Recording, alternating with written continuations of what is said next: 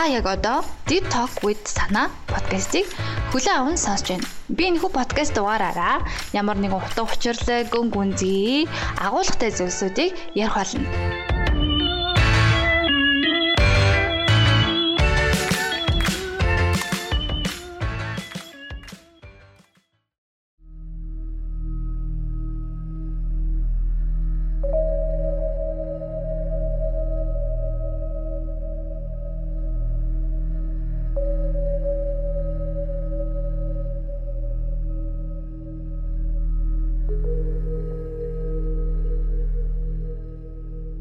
За сайн байцгаана өрхөн мөндөд сонсогчдоо. Та нараар мань юу байна да? Deep Talk with санаа буюу санаагийн подкастын ээлж дугаар та бүхэндээ хүрч байна. За тэгэхээр энэхүү дугаараараа би ковид зарснаас хойш олж мэдэж авсан уншиж судалж байгаа зүйлсийн талаар ярих гэж бодлоо. Энэ удаа бид нар ерөнхийдөө болвол сэтгэл зүйн холбогдлолтой өөрийгөө хэрхэн эмчилж байгаа тухайга хуваалцах гэж байна. Тэгэхээр яагаад имчилж байгаа вэ гэхлээр мэдээж өвдсөн байж таарна. Тэгэхээр яагаад өвдсөн бэ гэхлээр сэтгэл зүйн хувьд өвдсөн гэж хэлж болно. Сэтгэл зүйчтэй анх уулзсан сэтгэл болон яагаад сэтгэл зүйч хандах болсон гэх зэрэг тухай сонирхолтой юм ярих гэж бодлоо. За сонирхолтой багсан гэхээр мэдэхгүй байна. Гэхдээ ямар ч хэлсэн сэтгэл зүйчдээр очиж уулзж үзсэн байгаа. А энэ талаар яг би өөрөө Утсан кино видеог Facebook дээрээ тавьсан. Яхахгүй хүмүүст хэлмээр санагдаад байсан гэх юм уу. Учир нь бидний амьдарч байгаа нийгэм тогтолцоо өөрөө эрүүл биш болсон. Хүний сэтгэл зүйд нэлээд хортой талын болсон байгаа. Энэ нь бол ингээд зөвхөн сэтгэл зүйн талаасаа биш хүмүүс хоорондын харилцаа за тэгээд олон олон хүчин зүйлсүүд үүнд нөлөөлж байгаа. Нь юм бол юу одоо бидний мэддэг эрэгтэй хүн уйлж болдгоо, эмэгтэй хүн уурлаж болдгоо нэг ийм тогтолцоо гэх юм уу багаас бид нарыг ингэж сурган хүмүүжүүлсэн ийм зүйл байдаг. Энэ өөрөө хүний эрүүл сэтгэл зүг боомлж байгаа буюу мэдрэмжийг дарж байгаа, дарамтлж байгаа, дүрмгийлж байгаа ийм уул шугамд бол нөлөөтэй үг байгаа. Тэгэхээр хүн эрүүл сэтгэл зүй гэдэг бол тодорхой нөлөөлөл авдаг, гэмтэж болдог, эдгэж болдог ийм зүйл. Тэгэхээр бидний мэдрэмж гэсэн үг, хүртхүй гэсэн үг. Өөрийнхөө хувьд одоо миний хувьд сэтгэл зүйн шинжилгээ ухааныг яагаад сонирхох болсон бэ гэхээр өөрийнхөө одоо травмаг хамгийн анх 20 настайдаа олж мэдээд трама гэдэг нь ер нь бага насны дурсамжаас үүдсэн.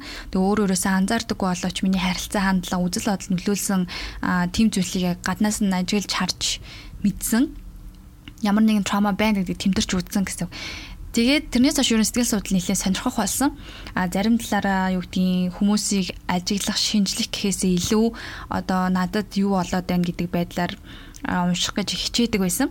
Тэгээ яа харахгүй одоо травмаг ном уншиж бол лидгээдгүй юм байлээ өөрөө мэдэрч ойлгож аа тэрийг тэмдэрч тэ хүлээн зөвшөөрж иж мэрэгжлийн тусламж авч иж ер нь бол аа эдгээдэг гэж хэлж болно. За тэгээд яасан бэ гэхлээр 10 сард карантин зарлагтаад гэрээсээ ажиллах болсон. Тэгээ гэрээсээ ажиллах болсон чинь аа ягаад ч юм ингээд нөгөө Монтоны бас номдэр гардыг маань Монтоны хэрхэн амьдрах вэ? Монтоны намтарч ч гэсэн өвөлдөг. Өөрөө маш олон жил одоо улс төр төртэй холбоотой ажиллаад ажиллаа хүлээлгэж өгөөд ер нь бол их олон дайсантай бас байсан шудраг байсан учраас гэж ойлгодог. Тэгээд ажиллаа хүлээлгэж өгөөд амралтандаа гарсан гэсэн үг дээ. Ер нь ингээд 50 амьдрах амьдрахаар шийдээд 50 амьдрахаар шийдээд байж хата сэтгэл зүйн маш тогтворгүй болоод галзуурчих гээд айгүй олон мэдрэмжүүд нь дарсан байсан мэдрэмжүүд нь гарч ирсэн. А тийм болохоор ер нь энийг ажиглаж бичээд бичээд бичээдлээс нь түүний сонгомл эсэнүүд гэдгээрээ алдарсан ийм бүтээл нь болж үлдсэн байх жишээтэй. Тэгэхээр ер нь бол ингээд траума гэдэг өөр амар буруу зүйл биш. Энэ бол зөвхөн нөлөөлөл тогтцсон нөлөөлөл гэсэн хүчтэй нөлөөлөл авсан учраас тэр траума үүсдэг. Тэгээд тэр траума нь хүний сэтгэл зүйд далд хумсарт бат нуугддаг бөгөөд бид нар анзаарч мэдгүйгээр тэр маань хэдий болоод өнгөрсөн зүйл хэрнээ бодит байдалтай хутгалтаж бид нар маш олон леер нүдэн дээр үүсгэждэг гэсэн. Леер гэдэг нь хідэн давхарга Тэгэхээр бид нар ерөөсөө хүн хүнтэйгээ тийм бодиттой харцдаггүй байж магадгүй. Яагаад тэгэхээр би тухайн хүнийг харахтаа а ямар ямар шинж тэмдгүүдээс нь юу гэдгийг өөрөөр бодлоор хандж байгаа.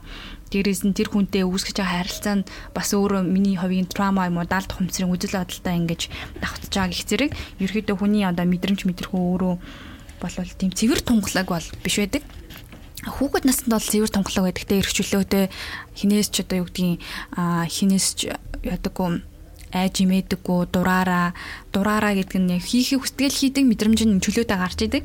Тэгээ хүмүүжил одоо тухайн хүмүүжил нь ямар байхаас шалтгаалаад зодуулж исэн үү, загнуулж исэн үү, эсвэл юу гэдгийг сургамж авч исэн үү гэцэргээсээ хамаарат хүний сэтгэл зүй яан зүргийн хэлбэртэй болдог. Тэр нь ингээд далд тухамсарт ингээд хадгалагдчихдаг байгаа. Тэгээд яг сэтгэл зүйчдэр очсон гэдгийг нь очоод ярилцсан зүйл нь мэдээж үнцэнтэй байсан. Хоёр дахь юм бол яг би аа яг өөрийнхөө төлөө хийсэн нэг үйлдэл байсан. Тэгээд өмнөх бас дугааруудад ярьж ирсэн өөрийгөө хайрлах гэсэн. Тэгээд сэтгцэн юмч мантгаа гихч бас хэлж ирсэн. Хэрэв өмнөх дугаарыг сонсч ирсэн бол аа өөрийгөө хайрлана гэдэг нь өөрийгөө ойлгоно гэсэн үг өөрийгөө ойлгоно гэдэг чинь өөрийгөө таньж мэднэ гэсэн үг ээ. Өөрийгөө таньж мэдэж ойлгож байгаа чи өөрийгөө хайрлаж гин гэсэн үг. Өөртөө цаг гаргаж гин гэсэн үг. А тийм учраас өөрийгөө хайрлах хэрэгтэй, өөрийгөө ойлгох хэрэгтэй гэж. Өөрийгөө ойлгож хайрлсан хүн л бусдыг хайрлах чадвартай гэдэг ийм өгнүүд маш олон байдаг тэр нь яах аргагүй хүнийг хайрлна гэдэг нь өөрөө ямар нэгэн байдлаар харилцааны хэлбэр тэр хүнийгээ барихаас илүүтэй. Тэр хүний яг хинбэ уг хүн юу вэ? Юу хүсч мөрөөддгийг юунд дургүй юм гэдэг юм уу? Олон гэж таньж мэдэх процесс юм уу? Үйл явц одоо өдөр хоногуд өнгөрнө. А тэр явцад ингээ өөрийгөө ч ойлгоогүй хүн бол яг юу хүсдгээ мэдэхгүй нөгөө хүнийгээ зовоогоод хүчрхийлээд тэр маш хортой харилцаа болдог гэдэг нь бол батлагдсан зүйл. Үнэхээр сайн ингээ анзаараад үзэнгүүт хүн гэлэг өөрөө өөрөө ойлгохгүй дээ маш тийм хэрүүл хэрүүл гэх нь хаашийн ер нь бол нөгөө нэг аягүй зовоодог а гарынхаа дор байлах гэдэг нэг иймэрхүү хүчрхийлэгч майндсеттэй болчихсон байдаг. Тэгэхээр хүчрхийлэл гэрэнгуутаас сонирхолтой л та. Хүчрхийлэл. Монголд бол хүчрхийлэл маш их байна. А хүчрхийлүүлдэг хэрэггүй хүн бай гэд урайнууд маш гардаг болсон. А тэгтээ өмнө нь олон юу гэдгийг хүний хувийн амьдрал учраас хүний хүмүүсийн хувийн амьдралд оролцоод хэрэггүй гэж боддог байсан бол одоо нүдэнэ хүчрхийллийн хажуугаар дугуун өнгөртөггүй бай энийг буруу гэдгийг ойлгуулдаг бай гэдэг ийм хандлага бол бас ингээд байгаа. Нийгмийн одоо тийм Гэтэ би яг нөгөө одоо нөгөө нүдэнэ хүн бэ гэдгийн ерөөсө хамааралгүй юм л те. А тэгтээ хүчрхийлэл гэдэг үг надад хамгийн сонирхолтой санагдсан гэх юм уу? Хүчрхийлэл үлдэгдчихэ. Хүчрхийлэл гингүүд ямар сони юм бэ? Ер нь хүчрхийлэл гэдгийн уг үндэс нь одоо юу юм болоо гэж бодонгот хүч хийрхийл байгаа даахгүй юу? Хүчрхийлэл. Тухайн үгэндээ тухайн үгний хүч нь тухайн үгнийхээ бүтцтэй гэдэг. Тэнгүүд хамгийн ихний одоо гол цөм те үг нь хүч гэдэг үгнээс гаралтай байхгүй. Тэнгүүд хүч гэдэг үг маань өөрөө үг нь бол айгу мундаг зүйл шүү дээ. Ер нь хүмүүс туслахад ч гэсэн өөрийнхөө төлөө байхад ч гэсэн хүчтэй байх, хүчтэй байх гэдэг чинь өөрөө айгу тийм а хамгаалалт байдаг. А тэгэнгүүт хүч нь хийрхэл болоод боё тэр өөрийгөө хүчийг бус түнийг ингээд зовоож а таашаал авдаг болчихж гинэ гэдэг чинь тэр бол хүчрхийлэл болдог. Тэгэнгүүт хинч хүчрхийлэлэгч болж болох магадaltaй гэсэн.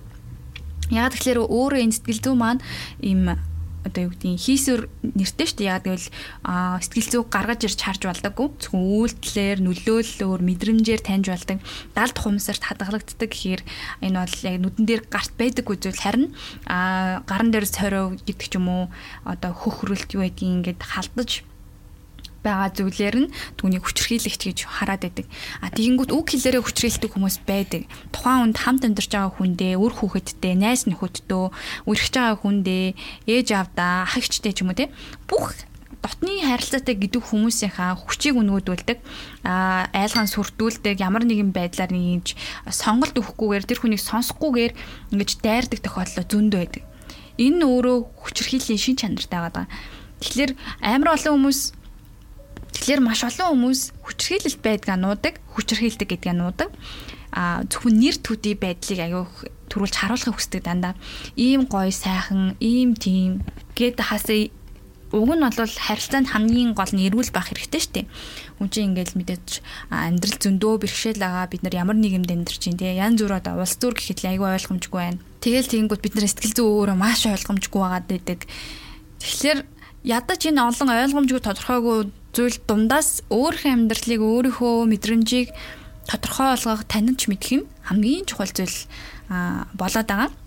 Тэгээ магадгүй одоо юу гэдгийг бид нар ингээл ярьсан шүү дээ. Одоо юу гэдгийг талбай дээр очиод жагссан тий. Хэд оны өмнө жагссан. Аа тэгэхэд талбай дээр маань найз зогсож ийн гэхээр нь очиод хамт зогссон. Бид хоёр өдөр яа 4 цаг хамт байсан юм уу? Ямарсан хүүтэнд даарсан. Тэгээ ямар ч байсан нэг юм биш байна. Одоо юу гэдгийг улс төрийг ингэж хүмүүс ирэх мэдлээ. А яг зөв ашиглахгүй байна гэдэг байдлаар эсэргүүцэж арт түмэн гэсэн үг шүү дээ арт түмэн хүмүүс очсон залуучууд очсон. А тэгээд маш олоола болсон. Тэр дунд ингээл яг зорилго нь бол walk-ыг ажиллаа сайн хийхгүй байна огцор гэсэн байдлаар шаардсан. Гэтэ үүнээс бол юу гэдэг арт өмнө нийлээд ямар нэгэн байдлаар одоо шийдвэр хүрэх чадвартай гэдгийг бол харуулсан гэж хэлж болно. А тэр дунд янз бүрийн зорилготой хүмүүс очил та оюутнууд байсан. А дээрэс нь юу гэдгийг аж ахуйн нэгжүүд ажилмаар байна гэж шаардсан. Одоо төрийг төрийн одоо юу гэдгийг үйл ажиллагаа сайжруулахыг хүссэн гэдэг ч юм уу маш олон шалтгаанаар тэгтээ нийтээрээ ингэж жагссан. Тэгээд тэр дунд ямар нэгэн одоо юу болсныг мэдгүй янз бүрийн хүмүүс а миний хувьд бол ингээд а юу гэдэг өөрийнхөө үзэл бодлоо илэрхийлэх эрх чөлөөг идэх гэж одоо тийм эрх чөлөөнийхөө талбай дээр очиж зогссон байдгийг Тэр дундаас ингээ миний мэдэрчсэн зүйл юу вэ гэхээр ингээ яг хүмүүс огцор огцор гэж айгуу тэгж эрчтэй хэлжсэн байхгүй. Тэгээ нэгт би өөрөө яг огцруулах гэж биш нөө зорилго нь өөрөөсөн болохоор яг огцор гэдгийг ингээд амар тийм чанга дугаар хэлж чадахгүй байсан. Хоёрт хүмүүс чанга дугаархаар ингэж гайхаж хараад тэгээд өөрөө чанга дуурч чадахгүй ичээд байсан. Тэгээ би өөрөө энийг анзаараад бодохдоо миний ингээд хамгийн өөртөө зоригжуулах зүйл маань миний дуу хоолой байдаг.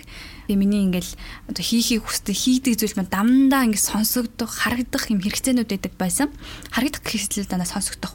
Намайг сонсооч ээ. Би ийм бодолтой байна гэдэг юм аягүй хэрчтэй хийгээд эхэлсэн байхгүй юу? Ер нь бол 20 настаас хойш юм уу. Өмнө нь бол ингээ 10 жил байгаа байхгүй нь мэдэгддэг юм дарах охин байсан. Дарахын гэдэг нь юу гэдэг нь чих зөөлн сайхан сэтгэлтэй тий далсан газар нь гарч ирдэг, далайсан газар далд ордог ийм хүн байла 10 жилдээ.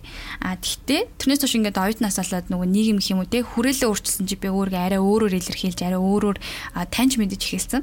Би одоо тимч дуугаа хүн биш юм байна. Би дуурах дуртай юм байна. Тэгээд ямар санда подкаст хийгээл блог хичээл унж байгаа хгүй. Тэгээд сэтгэл зүйчдэр очиход бол яг ийм асуудал надад байна гэж би яг хэлсэн. Тэр нь болохоор ингээд маш амархан хэлсэн үгнээсээ буцдаг а юмыг хойшлуулдаг ч юм уу ингээд нэг тийм бодит байдалтай тулхаас нэг тийм маш айгаад байгаа юм шиг тийм айцтай болсон байсан. Тэгээд тэрнийх нь уг шалтгаан нь бол ерөөсөө багтаа авсан драма байсан. Ер нь бол их загнуулах ч юм уу яг нэг хүүхэд насны хөвчлөлийн үе дээрээ явж байгаа одоо юу гэдгийг дуугаа загнуулсан ч юм уу те. Эсвэл ямар нэгэн байдлаар нэг тийм өөрөө илэрхийлэх явцтай ингэж драма авснаас болоод аа цаашдаа миний өөрийнхөө үзэл бодлыг илэрхийлж чадахгүй болсон ямар нэгэн одоо хүчрхийллийн эсрэг үгүй гэж одоо хэлхийн сул ингэж байсан байгаа. Тэгэл янз бүрийн юм дээр өөрийгөө анзаарна штэ хамгийн гол нь өөрийгөө ажиглана. Хүмүүс намайг яагаад даан чухал биш. Би өөрийгөө тэрийг яаж зэргүүц чинь гэдэг маань айгу чухал байгаадсан. Тэгээд за яг эмэгтэй хүний уйлахыг хориог өмчин би хэцүү үедээ уйлдаг. А тэгтээ уурлах гэдэг зүйлийг бол яг тийм гендрийн хөвшмөл байдлаар бол эмэгтэй хүн уурлаж болтгогүй, уурлахгүй, өөдөөс цохиод тахгүй гэдэг байдлаар аягүй дээрлэлт бол ингэж байдаг байсан. Одоо жишээ нь юу гэдгийг нэг студид ажилладаг байсан. Тэгээ студид ажилладаг байж хата аа анх удаа нөгөө нэг sexual harassment гэдэг зүйлийг мэдэрч үзсэн. Тэр нь юу байсан бэ гэхээр манай студид ажилладаг ах ер нь ингээд миний хувийн орон зайд аяга халддаг байсан л да. Чинь би одоо дизайнер. Клиент нь ирээд нөгөө гарн дээрх маусн дээр нь маусн дээрх гарн дээр нь ингээд гараа тавьсан нийтдээ зураг байдаг шүү дээ. Тэр чинь дизайнертаа цонгох хөрчлөө нөгдөө гэсэн шалтгаантай. А тэгтээ тэр ах яг тэр зураг шиг бүр дэгдэг байсан юу? арайч гаран дээр нь гараа тавьдгүй ямар ч ч ингэж сууж яхад амар ойрхон ирж зогсдог баг ингээ амьсгалж байгаа нь чихэн сонсогддог тийм лайттай байдаг байсан. Би тэрийг ингээ тав үе цаашаа аваач гэж уурлаж чаддгүй байсан хгүй. Тэгээд ингээд аа энийг юм хэлэхгүй шинжтэй юм шиг байна гэдэг байдлаар нэг өдөр бас орой би ягаад ч нэг эмхтэй хүн гэсэн болохоор ч юм өөрөө ингээ эмхтэй би эмхтэй би ингээл айтал харж авах хэрэгтэй гэж боддог. Бодлоосоо ч юм ингээд манай ажил дээр уулзалтахгүй аа нэг юу болсон За энэ одоо хувийн мэдээлэл болохоор хэлж болохгүй л юм л да. Ямар ч хэснийг уулзалт болсон юм аа. Тэгээд ах нар нөгөө гаднаас хоол захиаж идээд тэгээ аюу аяг та хөглөрсөн байсан. Тэгээ намайг watch гэж хэлээгүй гэн. Тэнгүүт би ингээ амар сайн хүн болох гал юу гэдгийг за энэ цэвэрлэгч авах штеп би цэвэрлэжээ гэл ингээл орой ажиллаа дуусаагүй ээжэж орой 10 цаг болсон. Цаг наргүй. Тэгээд аяг уугаа зогсож исэн ч лөө санаа миний дүү байгаа мó. Ахын дүү өрөөнд ороод ирээч гэлтгсэн. Тэгээ өрөөнд нь ороход 2 3 ах лээсэлтэй хамт ажилладаг. Манай нэр хүндтэй хүмүүс. Тэгээд гисэн чинь суу гэлдэг чинь суу гэлдэгснэ пи уугу ядарч байгаа үстэй бити маяглаад бай гэл. Тэгж тэгж ярьж ярьж байгаа л ер нь миний царай төрхийг одоо шүүмжлэн цаашаа тий. Иш одоо чамааг одоо ингээл чиний гадаад хүнтэй суугах та гэдэг ч юм ингээл амар царай мутаагаад тэ станерэ гэж мэгэл заяа. Тэгээ би яг царай мутаа гэдэг нэг хөөрдөөдөж байгаа юм шиг тгийм байлаар хилээд байгааг нь ойлгож байгаа юу. Тэгэл тэгэл тэгээд байж байж исэн аа. Айгу сони юм ярьж эхэлсэн. Тэр нь болохоор ахын дүү. Тэгээ хичээх хэрэгтэй байгаа шүү. Жохон хичээх хэрэгтэй. Өшөөлөө сайжир майжир гэдгснэ. Миний дүү шүүдрийн тусал дээгүүр би юу ярих гэдэг нь ерөөсөө гүйт сонсож ойлгох гэцэхгүй. Шүүдрийн тусал дээгүүр эрэгтэй хүний хувцснаас өөр хувцсгүй нүцгэн алхмаар байл ахрууга хилээрээ тоглоогүй шүү гэж авдیں۔ Тэгээд тэгэхээр нь би ингээд амар шоконд орсон заяа. Ер нь нөгөө яагаад хүмүүс нөгөө тухайн үедээ юм шоконд ороод дараа нь ингэж халтлаганд өртчлөө ч юм уу эсвэл нэг тийм эвгүй юмтай орооцолдох чинь гэдэг дараа нь ингэ шокныхаа байдлаас гарсны дараач ойлгох юм байли. Ялангуяа насаараа нөгөө сайн хүмүүжлтэй гэж авдсан ш тогтуудыг ингээл одоо амар цэвэрч байх хэрэгтэй, үгэнд ордог байх хэрэгтэй. Иймэрхүү байдлаар хүмүүжүүлсэн хүмүүжлээсээ жоохон тухайн моментод ингээд байд юм байна л да. Бат байдаг. Тийм болохоор ингээд шууд ингээ уурлаж эсрүүцэж чадахгүй ингээл хэсэг жоохон гайхаад тэгээд тэгсэн чинь байж байгаа л за яг би тэрийг ингээ инээгээд өнгөрөөч байхгүй жог за арай арай юу гэж тийм байж дим бэ гэл тэгэл инээгээд өнгөрөөч байгаа. Тэгсэн чинь байж иснаа ингээд нэг махмүлч гээд нэг яс өглөө. Махтай яс өглөө. Тэгээд тэр ясыг нь яаж мүлчвэ тэг тийг ингээд харан дуруу үрээдсэн болохоор би мах яаж мүлчих юм бэ? гэсэн чинь үгүй чи одоо маялаад дээ гэж тэгснэ. Эн чинь хүний хар болол гэл миний ингээд сэр нуруу руу гараа явуулдаг хгүй тэгээ би ингээд цоцсон хүүегээ цоцсон чинь инээлдээд хартаа цочроо мочрон гараагүй мараагүй гэд тэгсэн. Тэгээд гурван гуруулаа аяга мундаг хүмүүс те хүндэлдэг хүмүүс суучаад намайг цочроон гараагүй гэж инээж байгаа байхгүй юу. Ямар утгаар инээж байгаа нь амар ойлгомжтой. Тэгээ би эндээсээ айгүй санаа зовсон тухайн үед ингээд хамгийн их төрүүлээд надаа айц төрсөн би айсан би уурлах юм бол цохоод авчих үедээ гэдэг ч юм уу тиймэрхүү байдлаар айжсэн. Дараа нь зэвүү өрсөн. Аа тэгээд би ажиллаа өгсөн. Тэгтээ ажиллаа өгөх хөөхтөө ер нь тэгээд тэр үед айгүй тийм анзаарч харсан гэх юм уу да юу гэдгийг тэр жог тэр инээдэнд инээгээд өнгөрдөг эсвэл тэр ахтай үнэхээр тэрэлж мэрэлж авдаг өөр хувцсгүй цамцын хүмүүстэй хүмүүс байгаа л байсан байсан л ах. Тэр хүмүүсийн асуудалтай. Гэхдээ хүний орон зай тэгж дураараа халдаж болохгүй шүү дээ. Тэгээ тэрийг би гол нь сануулж хэлээгүй юм өөрийгөө хамгаал хамгаалаагүй азар тэгсэхэд ингээд аргалаад өнгөрсөн. Тэгээ дараа нь ингээд харахаас дургу үрээл ажил дээрээ ч орох хүсэлгүй болоод ингээд амар тэнийг болж байгаа хгүй. Би ингээд ажлынхаа залуу дараа нь ярьсан хгүй. Тэгээд тэгдэм даа тэгээ би ингээд надад амар хэцүү сан санагсан гэсэн чинь би тэнд чинь хараагүй юм чи чамаа яаж мэдхий? Чи өөрөө ч гэсэн баг хэлсэн чинь билүү? Чи өөрөө тэмцээдлийг өгсөн чинь билүү мэдгүй шүү. Хүмүүс ингээд амар олон юм дээр тэгэж яг тийм хандлагатай байдаг зэв. Ер нь бол ингээд сайн найзаас сайн найз гэж боддог хүнээс ч тийм хандлага ирж магадгүй. Чи би мэдгүй шүү дээ та нарын асуудлыг гэдэг ч юм уу ингээд айгуу тийм хүүтэн хүндий аа Тэгээ азар тэр тийм төдийн болоод өнгөрсөнд болоодоо гэж утсан. А тэгтээ тэрнээс илүү аимшигтай зүйлсийг хүмүүс мэдэрдэг гэж утгаар надад бол тэрийг заавал эсэргүүцэх хэрэгтэй. Ялангуяа яаж эсэргүүцэх хэрэгтэй вэ гэхлээр хүн болгон өөрийгөө маш тодорхой илэрхийлдэг байх хэрэгтэй. Өөрийнхөө орон зайг ингэж тавьдаг байх хэрэгтэй. Өөрийнхөө зураасыг татдаг байх хэрэгтэй. Энэ цаашлаад юу гэдгийг нийгэмд амьдарч байгаа хүний хувьд а бидний амьдралд оролцдог бүх зүйл бүх хууль дүрм журамд ч гэсэндээ мэдлэгтэй байх хүний эрх гэж одоо хүний эрхийг шаардж байгаа мөртлөнгөөсөө бид нэр өөрийнхөө эрхийг мэддэг бах. Өөргөө хин бэ? Ямар сэтгэл зүйтэй вэ? Юг хүлээн зөвшөөрч бас зөвшөөрч чадахгүй вэ? гэдгийг аягуулсаа ойлгож авах хэрэгтэй байгаад байна. Ялангуяа залуучуудаа одоо юу гэдгийг ингээл бидний одоо үе солигдож байгаа шүү дээ ингээл бидний үе ирж байгаа бид нэр ингээд 25 6 та гэдэг бол хүүхэд биш насанд хүрсэн хүмүүс тэгтээ одоо хүртэл юм хүүхдэрээ байгаа даа гэх юм Тэгээ хүүхдэрээ байна гэдэг нь өөрөө одоо authentic self буюу тэрийг байлгах хэрэгтэй. А тэгтээ зан үйл гэх юм уу өөрийгөө эсэргүүцэх өөрийгөө таньж мэдхийн хувьд а өөрийгөө мэддэг байх хэрэгтэй гэдэг одоо санааг дэвшүүлж байгаа. Эс бөгөөс гудамжинд яваад гадуур суугаад янз бүрийн дарамтанд орж болзошгүй юу нь янз бүрийн халтлаганд өртөж болзошгүй мэдхгүй байхгүй юу. Тэгээ тэр үед айхгүй хэрэгтэй, зөрөгтэй хэрэгтэй. Айхгүй зөрөгтэй байна гэдэг чинь өөрөө би нөгөө өмнөд дурд сая ярьсан шүү дээ ингээд чоконд орцсон гэд гайхаад өнгөрцөн тухайн үед юу ч шилж чадаагүй дараа нэг л юм биш байсан гэж ойлгоод уйлмар санагтаад гутаад нэг муухай санагцсан. Тэрэн шиг одоо юу гэдэг нь тэрийг би мэдрэмжээр таньсан шүү дээ. Тийм болохоор дараа нь юу нь надад ингээ хүн ингээд халтах гэх юм уу наа доромжлох үед би маш хүлээцтэй сонсож байгаад хариу нэг үг хэлдэг болсон аахгүй юу? Одоо юу гэдгийг маш эсэргүүцэл сайтай болсон гэж хэлж болно. Сайжирч байгаа ер нь өөртөө ингээд хүчтэй болж ирж байгаа хүн өөрөө сэтгэл зүйн хувьд ингээд тогтвортой ойлголттой болж ирэхээрээ өөрийнхөө асуудлуудыг шийдвэрлэж чаддаг болоод дараа нь хүн тусалдаг болдог. Өөртөө тусалж чадахгүй бол хинт ч туслаж чадахгүй.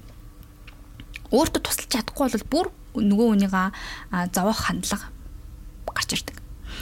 Тэгээ эн чинь ингээл бүтэн нийгмийг бүрдүүлж штэ. Тэгээл аюу сонирхолтой байхгүй юу? Жишээ нь юу гэдгийг ингээл ямар нэгэн ажил дээр гарлаа гингүүд ажлын орчин, ажлын хүмүүстэй харилцах харилцаа бол маш чухал. Тэгэнгүү тэр дунд нэг тийм хүчрхийлэл хүчрхийлдэг ч юм уу те. Эсвэл хүчрхийлүүлдэг хүн ажилдаг байлаа гэхэд тэр ингээ ажлын харьцаанд ч нөлөөлж болно. Яг тэгэхээр хүн өөрийнхөө тийм удаан бас ингэж дарах гэх юм уу айгүй бол нөлөөлөл ингээд гарч ирдэг гэх юм уу хүн тэгээд өөрхөн тийм хандлагыг юусоо нуух нэг төр бол тодорхой нэг эрх мэдлийн үрээнд бол маш сайн гарч хараг гарч ирдэг харагддаг мөнгө одоо хүнийг өөрчлөлтөө хүнийг болиулдаг биш. Юу гэдгийг мөнгө эрх мэдэл бол хүний ууг үндэстэх тэр далд хумсардах хүсэл гэх юм уу те тэр зүйлсийг гаргаж ирдэг байхгүй.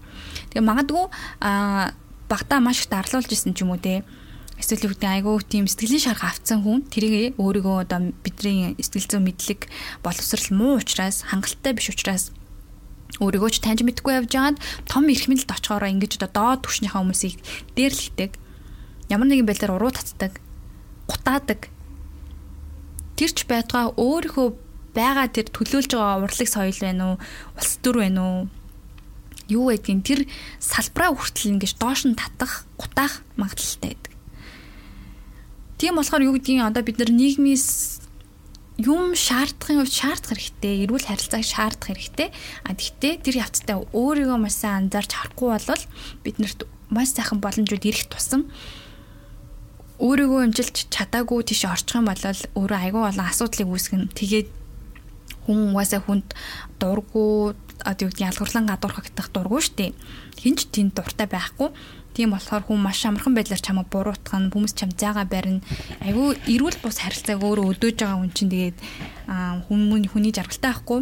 Тийм болохоор өөрийнхөө сэтгэл зүй зөрөгтэй хараад өөрлөгөөс зөрөгтэй өнгийгөөд өөрийгөө зарим болохгүй бүтггүй байгаа зүйлээ хүлэн зөвшөөрч одоо хэрэгтэй тэрэн дээр ажиллах тэрийг дэмждэг өөрийгөө бас дэмжих хэрэгтэй гэдэг зүйлийг ойлгож авсан гэх юм уу. Тэгээд манайх ч хэлдэг байсан л да надаа өөрийгөө хайрлаач ээ.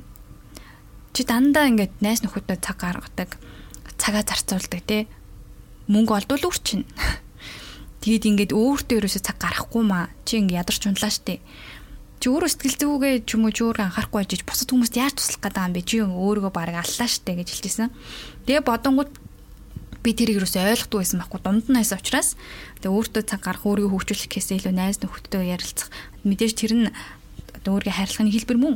А тэгтээ би тэр хүмүүсийн асуудлыг шийдвэрлэх гэж аягүй явдаг байсан гэх юм уу. Тэр нь нэг талаараа жоохон муухай юм шиг сонсогдож магадгүй. А гэхдээ найз нөхөдөө хичнээн туслаад тэр хүн өөрийнхөө драма өөрийнхөө асуудлыг хүлээн зөвшөөрч чадахгүй бол тэр хүн дахиад тийм үйлдэлийг хийн дахиад нэг тийм асуудалд орооцолдог хаазар ингээд анаа нэг тийм токсик юм уу нэг тийм хэцүү хүмүүстэй таарчдаг хүмүүс эдэн штэ ингээд би бол их тиймэрхүү магадaltaй байгаа байхгүй Гэтэ одоо л өөрийгөө анзаарч эхлэнээс хойш арай өөр хүн болж ирж байгаа юм уу? Өөрчлөгдөж байгаа. Өмнө юу гэдэг хитрхи сайхан хүмүүжлээрээ тэгэж одоо эсэргүүцэлтэй нүр дулж байгаагүй бол хин нэгний дарамтанд орох магадлал айгүй өндөр байгааддаг байсан гэдгийг анзаарсан. Яг тэгэхээр би нөгөө аюу зөөлөн төрлийн тайпын хүн учраас тэр хүний manipulation амархан автна. Тэр хүний худлаа үн ярьж байгаа гэдэг зүйлийг ялгаж харж чадахгүй байсан. Одоо ингээд анзаараад ч юм уу те нас яваа туршлага нэмэгдээд уншиж мэдсэн юм бас дэжгүй байгаа дангууд тэрийг одоо ялгаж харж чадж байгаа. Би ямар нүдээр, ямар layer, ямар давхаргаар нийгмийг харж яах гэдгийг өөрөө анзаарч хардаг болсон. Тэгээд тийм учраас мэдээж миний мэдэж аваагүй зөндөө зүйлс байгаа. Тэгэхээр эцэд төрөл хүний сэтгэл зүйдэр л аяг тултай хүн өөрийгөө хайрлна гэдэг нь өөрийгөө ойлгох хэрэгтэй. Би яагаад энэ зүйлд ингэж айгаад байна? Би яагаад энэ дээр зовоод байна гэдгээ өөрөө таньж мэдэх хэрэгтэй. Тэгээд нэг иймэрхүү сонирхолтой юм байд юм бэлээ. Тэгээд бид нар өөрсдөө юу нэг өдөр л чамайг алхах хэрэггүй болгоч магадгүй шүү дээ. Дүү хууль дүрм журам. Мэдгүй тийм хуультай. Чи одоо ингэж гадуур чангад уурах юм бол чамайг цагдаад бариад өгч шүү гэтээ цагдаа дээр очиод өөрөө өмгөөлөх гэсэн чинь хуулийн дээр бичигдсэн. Тийм байвал яаж чадахгүй. Бүхний дээр хууль байгаа. А тэгтээ энийг аягуулсан ойлгох хэрэгтэй хаа гэж бодож байна. Тэгээд Фукузава Юкичи гэдэг Японы алдарч соёнгийн эрүүлэгч хүний одоо эрдмийн эрхмэлэх ухаан гэдэг ном байдаг. Тэрийг Монголын орчуулагч Жаргал сайхан орчуулсан. Тэр ном дээр болохоор игдэх байхгүй юу? хүний дээр хүн бүтээгээгүй. Түр улсаа тохиноолохын тулд ард иргэд өөрөө хүчтэй байх хэрэгтэй. Хүний дээр хүн бүтээгээгүй учраас түр улс те хаанцсагл гэж байх ёсгүй гэдгийг одоо иргэн болгон ухамсартай ах хэвээр хүн байх хэвээр гэдгийг бичсэн байдаг. Фукузава гэж эрдмийн эрхлэх ухаан гэдэг. Энэ хүн болохоор өөрөө одоо Японыхоо мөнгөн тэмдэгтэд үлдсэн соёнгийн эрүүлэгч одоо хүн боловсрал мэдлэгтэй байх ёстой гэдгийг бол одоо хэлсэн. Тэгэхэд бол залуу хүн өөрөө бие даасан байх хэрэгтэй. Биеэ даах хэрэгтэй. Тэгжиж бие даасан төртөө олноо. Бие даасан төрийг шаардна гэж хэлдэг. Тэгэхээр хүн хинч хинийхаа дээр доор гэсэн захираг захиргаатах гэсэн юм бол байхгүй. Энэ хизэж байж бошгүй зүйл. Хэрвээ нэгнийг дарлал дарангуулал эрхэл юм бол тэр мэдрэмж дарангуулагдана, хүм дарлагдана хайрч хүртэл өөрөө худал хуурмаг болж хувирна. Тийм болохоор Монголд бол бас гэр бүл салалт гэх юм уу өөрийгөө таньж мэдээгүй одоо хүнтэй суучдаг тэгээд дараа нь өөрийгөө болон нөгөө хүнээ таниад ирэхлээр тэр зүйл маань өөрчлөгддөг. Ийм болохоор одоо төр улстай бухимдах зүйлс байна. Хүмүүсийн хандлах бухимдах зүйлс байна. Бухимдлаа гэж өөрөө бусдад итгэх итгэлийг л бас хорооно мэдээж бухимдах үе байна. Одоо ингээд харангууд өмнө нь ингээл би маш дингэгийн гин цайлган охин байсан. Юмд ингээ амархан итгэдэг, юмыг дандаа сайхнаар хардаг. Одоо бол ингээд юмыг бодтой харж эхэлт сурснаас хойш жоохон ялгаатай юмнуудыг мэдэрдэг болсон, хардаг болсон, өөрийгөө чинээр таньж мэдсэн, өөр ингэсэн подкасттай ч боллоо. Ер нь бол энэ бүхий л өөртөө хийж байгаа зүйл маань миний хувьд зориг шин зүйлс хүчтэй байлгах зүйлсийн маань нэг байгаа даа. Өөрийгөө таньж мдээгүй болвол маш олон зүйлийн тоглоом болж болцчихгүй. Хүний тоглоом болж болцчихгүй. Агуулгын тоглолтод орчих магадгүй. Ингээл чагсан штэ бид нар ингээл сая миний хувьд болвол үгээ хэлэх хэрэгчлөөгөө идэл гэж талбай дээр хэр олон хүн цугуулахыг харах гэж арт түмэн хэр хүчтэйг мэдрэх гэж өөрөө тэнд очисон миний хувьд. Тэнгүүт зургатаар одоо юу гэдгийг хүрэлс өгөх сайд залуучууд залуучууд гэж хэлээгүй ер нь бол тэндээсээ хүмүүс мөнгө авчиж агссан гэж шууд гүтгэж байгаа байхгүй. Тэгэхээр ямар нэг юмны тоглолтод орчиж байгаа гэдэг. Тийм болохоор үжил бодлоо байнга илэрхийлж айхгүйгээр өөрийгөө өөрийнхөө хувь орон зайг ингэж хамгаалахгүй юм болвол сайхан төрөм эрх мэдэл эзэмшсэн хүн тэгэл мөнгөөр зэгсдэг болгочлоо ш тийм тэрэн шиг ингээд тэр бол зүгээр нэг жишээ байхгүй. Дараа нь өөрийг чинь өөр хувь орон зайг чинь тий. Эрүүл саруул амьдрах эрхийг чинь хинч архилах гэж оролдож магадгүй тэрийг мэдгүй. Тэрний дунд айж эсвэл санаа суухаас гадна өөрийнхөө сэтгэлийг хамгаалах хэрэгтэй. Сэтгэл гэдэг бол үргэлжддэг сэтгэл зүй гимтдэг тийм учраас хэрвээ гимтсэн болвол бид нар өөрийгөө эдгэх цаг хугацааг өгөх хэрэгтэй өөртөө амралт өгөх хэрэгтэй Тэр бол яаж юу ч хийж болно те. Йог хийж болно, бясалгал хийж болно, сайхан агаар салхин гарч болно. Хамгийн гол нь хүн өөртөө аз жаргал хүсхийн тулд өөртөө чинхүү гой хайрыг мэдрэхийн тулд өөрхөө сэтгэл зүг ажиглаж хүлэн зөвшөөрч айдас надад тийм айдас байд юм байна. Би тэрнээс чарах авсан юм байна. Одоо ингээ идэх гэж хичээж дээ. Одоо тэр тэр зүйл бол болоод өнгөрсөн. Одоо цаг бол хамгийн хүчтэй гэдэг ч юм ингээ иймэрхүү байдлаар өөртөө ярилцаад өөрийгөө ойлгоод хүмүүс ингээд чамд хатуурхаж хандаж байхад өөртөө нэмж хатуу хандах юм бол чамаас юу үлдэх юм бэ? Бид нэр өөргөө ингээ амар олон шүүмжилт юм байлээ чи тийм бэ? Чи энэ шиг биш. Чиний одоо юу гэдгийг шүт чин тэгшхэн биш. Миний айрс нэг л биш миш гэл ингээл. Тэрнээсээ харьцуулаад хичээлтэй тэр нь ингээ нөгөө талаараа хүн муулах шалтгаан болол. Өөртөө тийм зүйлийг бити үсээрээ. Мэдээж асуудал гарч ирдэг те. Арьс ингээ муухай болоод байвал амрах хэрэгтэй байна арьсандаа өгөх хэрэгтэй байна гэдэг ч юм ингээл өөрийгөө гой сайжруулаад тэгэл өөртөө сайжрах эрүүл байх жаргалтай байх амьдралынхаа үнцнийг үнэлэх. Тэгэл нэг өдрөх хийн штэ тэр хүртлээ өөртөө орон зайг заавал өгөөрэй. Ялангуяа залуучуудаа ус төрийн мэдлэгтэй байх хэрэгтэй, өөрийгөө таньж мэдэх мэдлэгтэй байх хэрэгтэй, хамгийн гол нь зүрхэндээ ихтгэлтэй галтай, нүдэндээ цогтой байхад бидний амьдрал чанартай сайн сайхан байх болно гэдэгт итгэх хэрэгтэй шүү гэдгийг хэлмээр байна. Подкаста Фукузава Юкичигийн Эрдмийг эрхэмлэх ухаан номын хэсгээр өндөрлөе.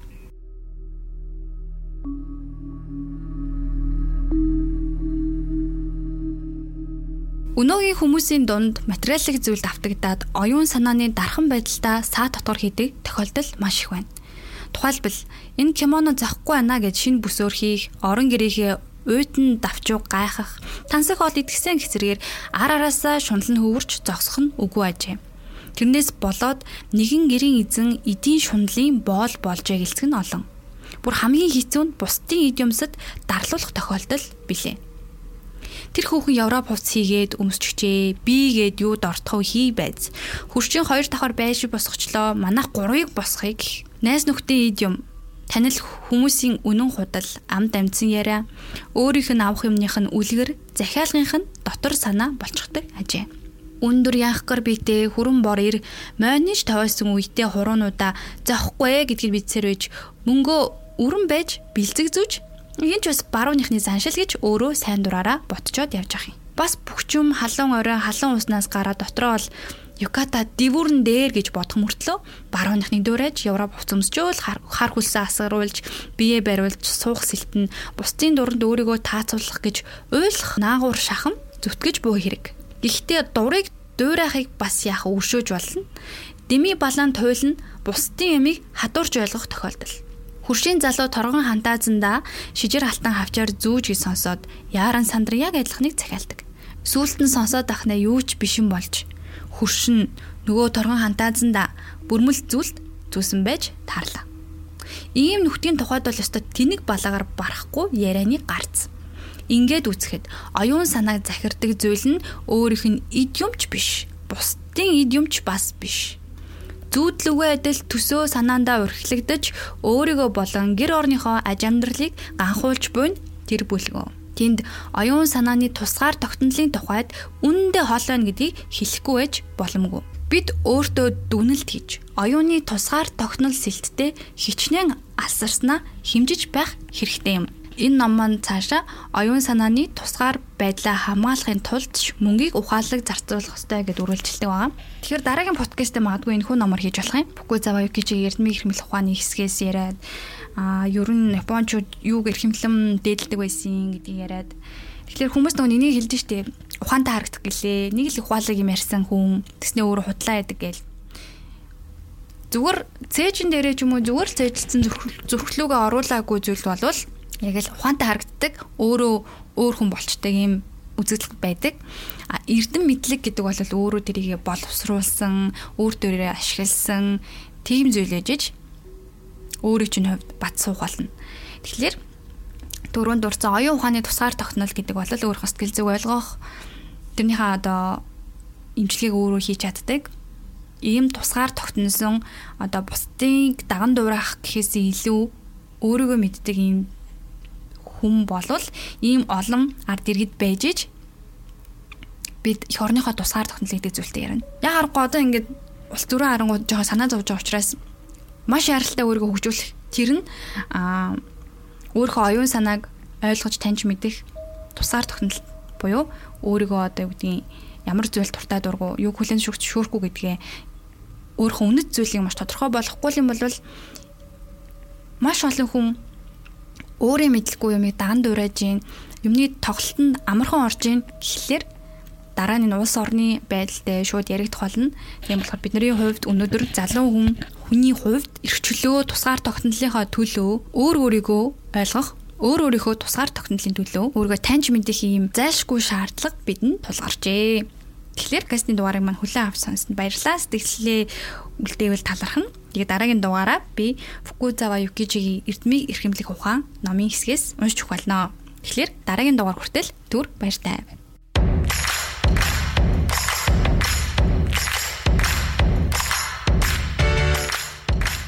Та яг одоо Deep Talk with Sana подкастыг хүлээн аван сонсож байна. Би энэхүү подкаст дугаараараа ямар нэгэн утга учирлаг, гүн гүнзгий, агуулгатай зүйлсүүдийг ярих болно.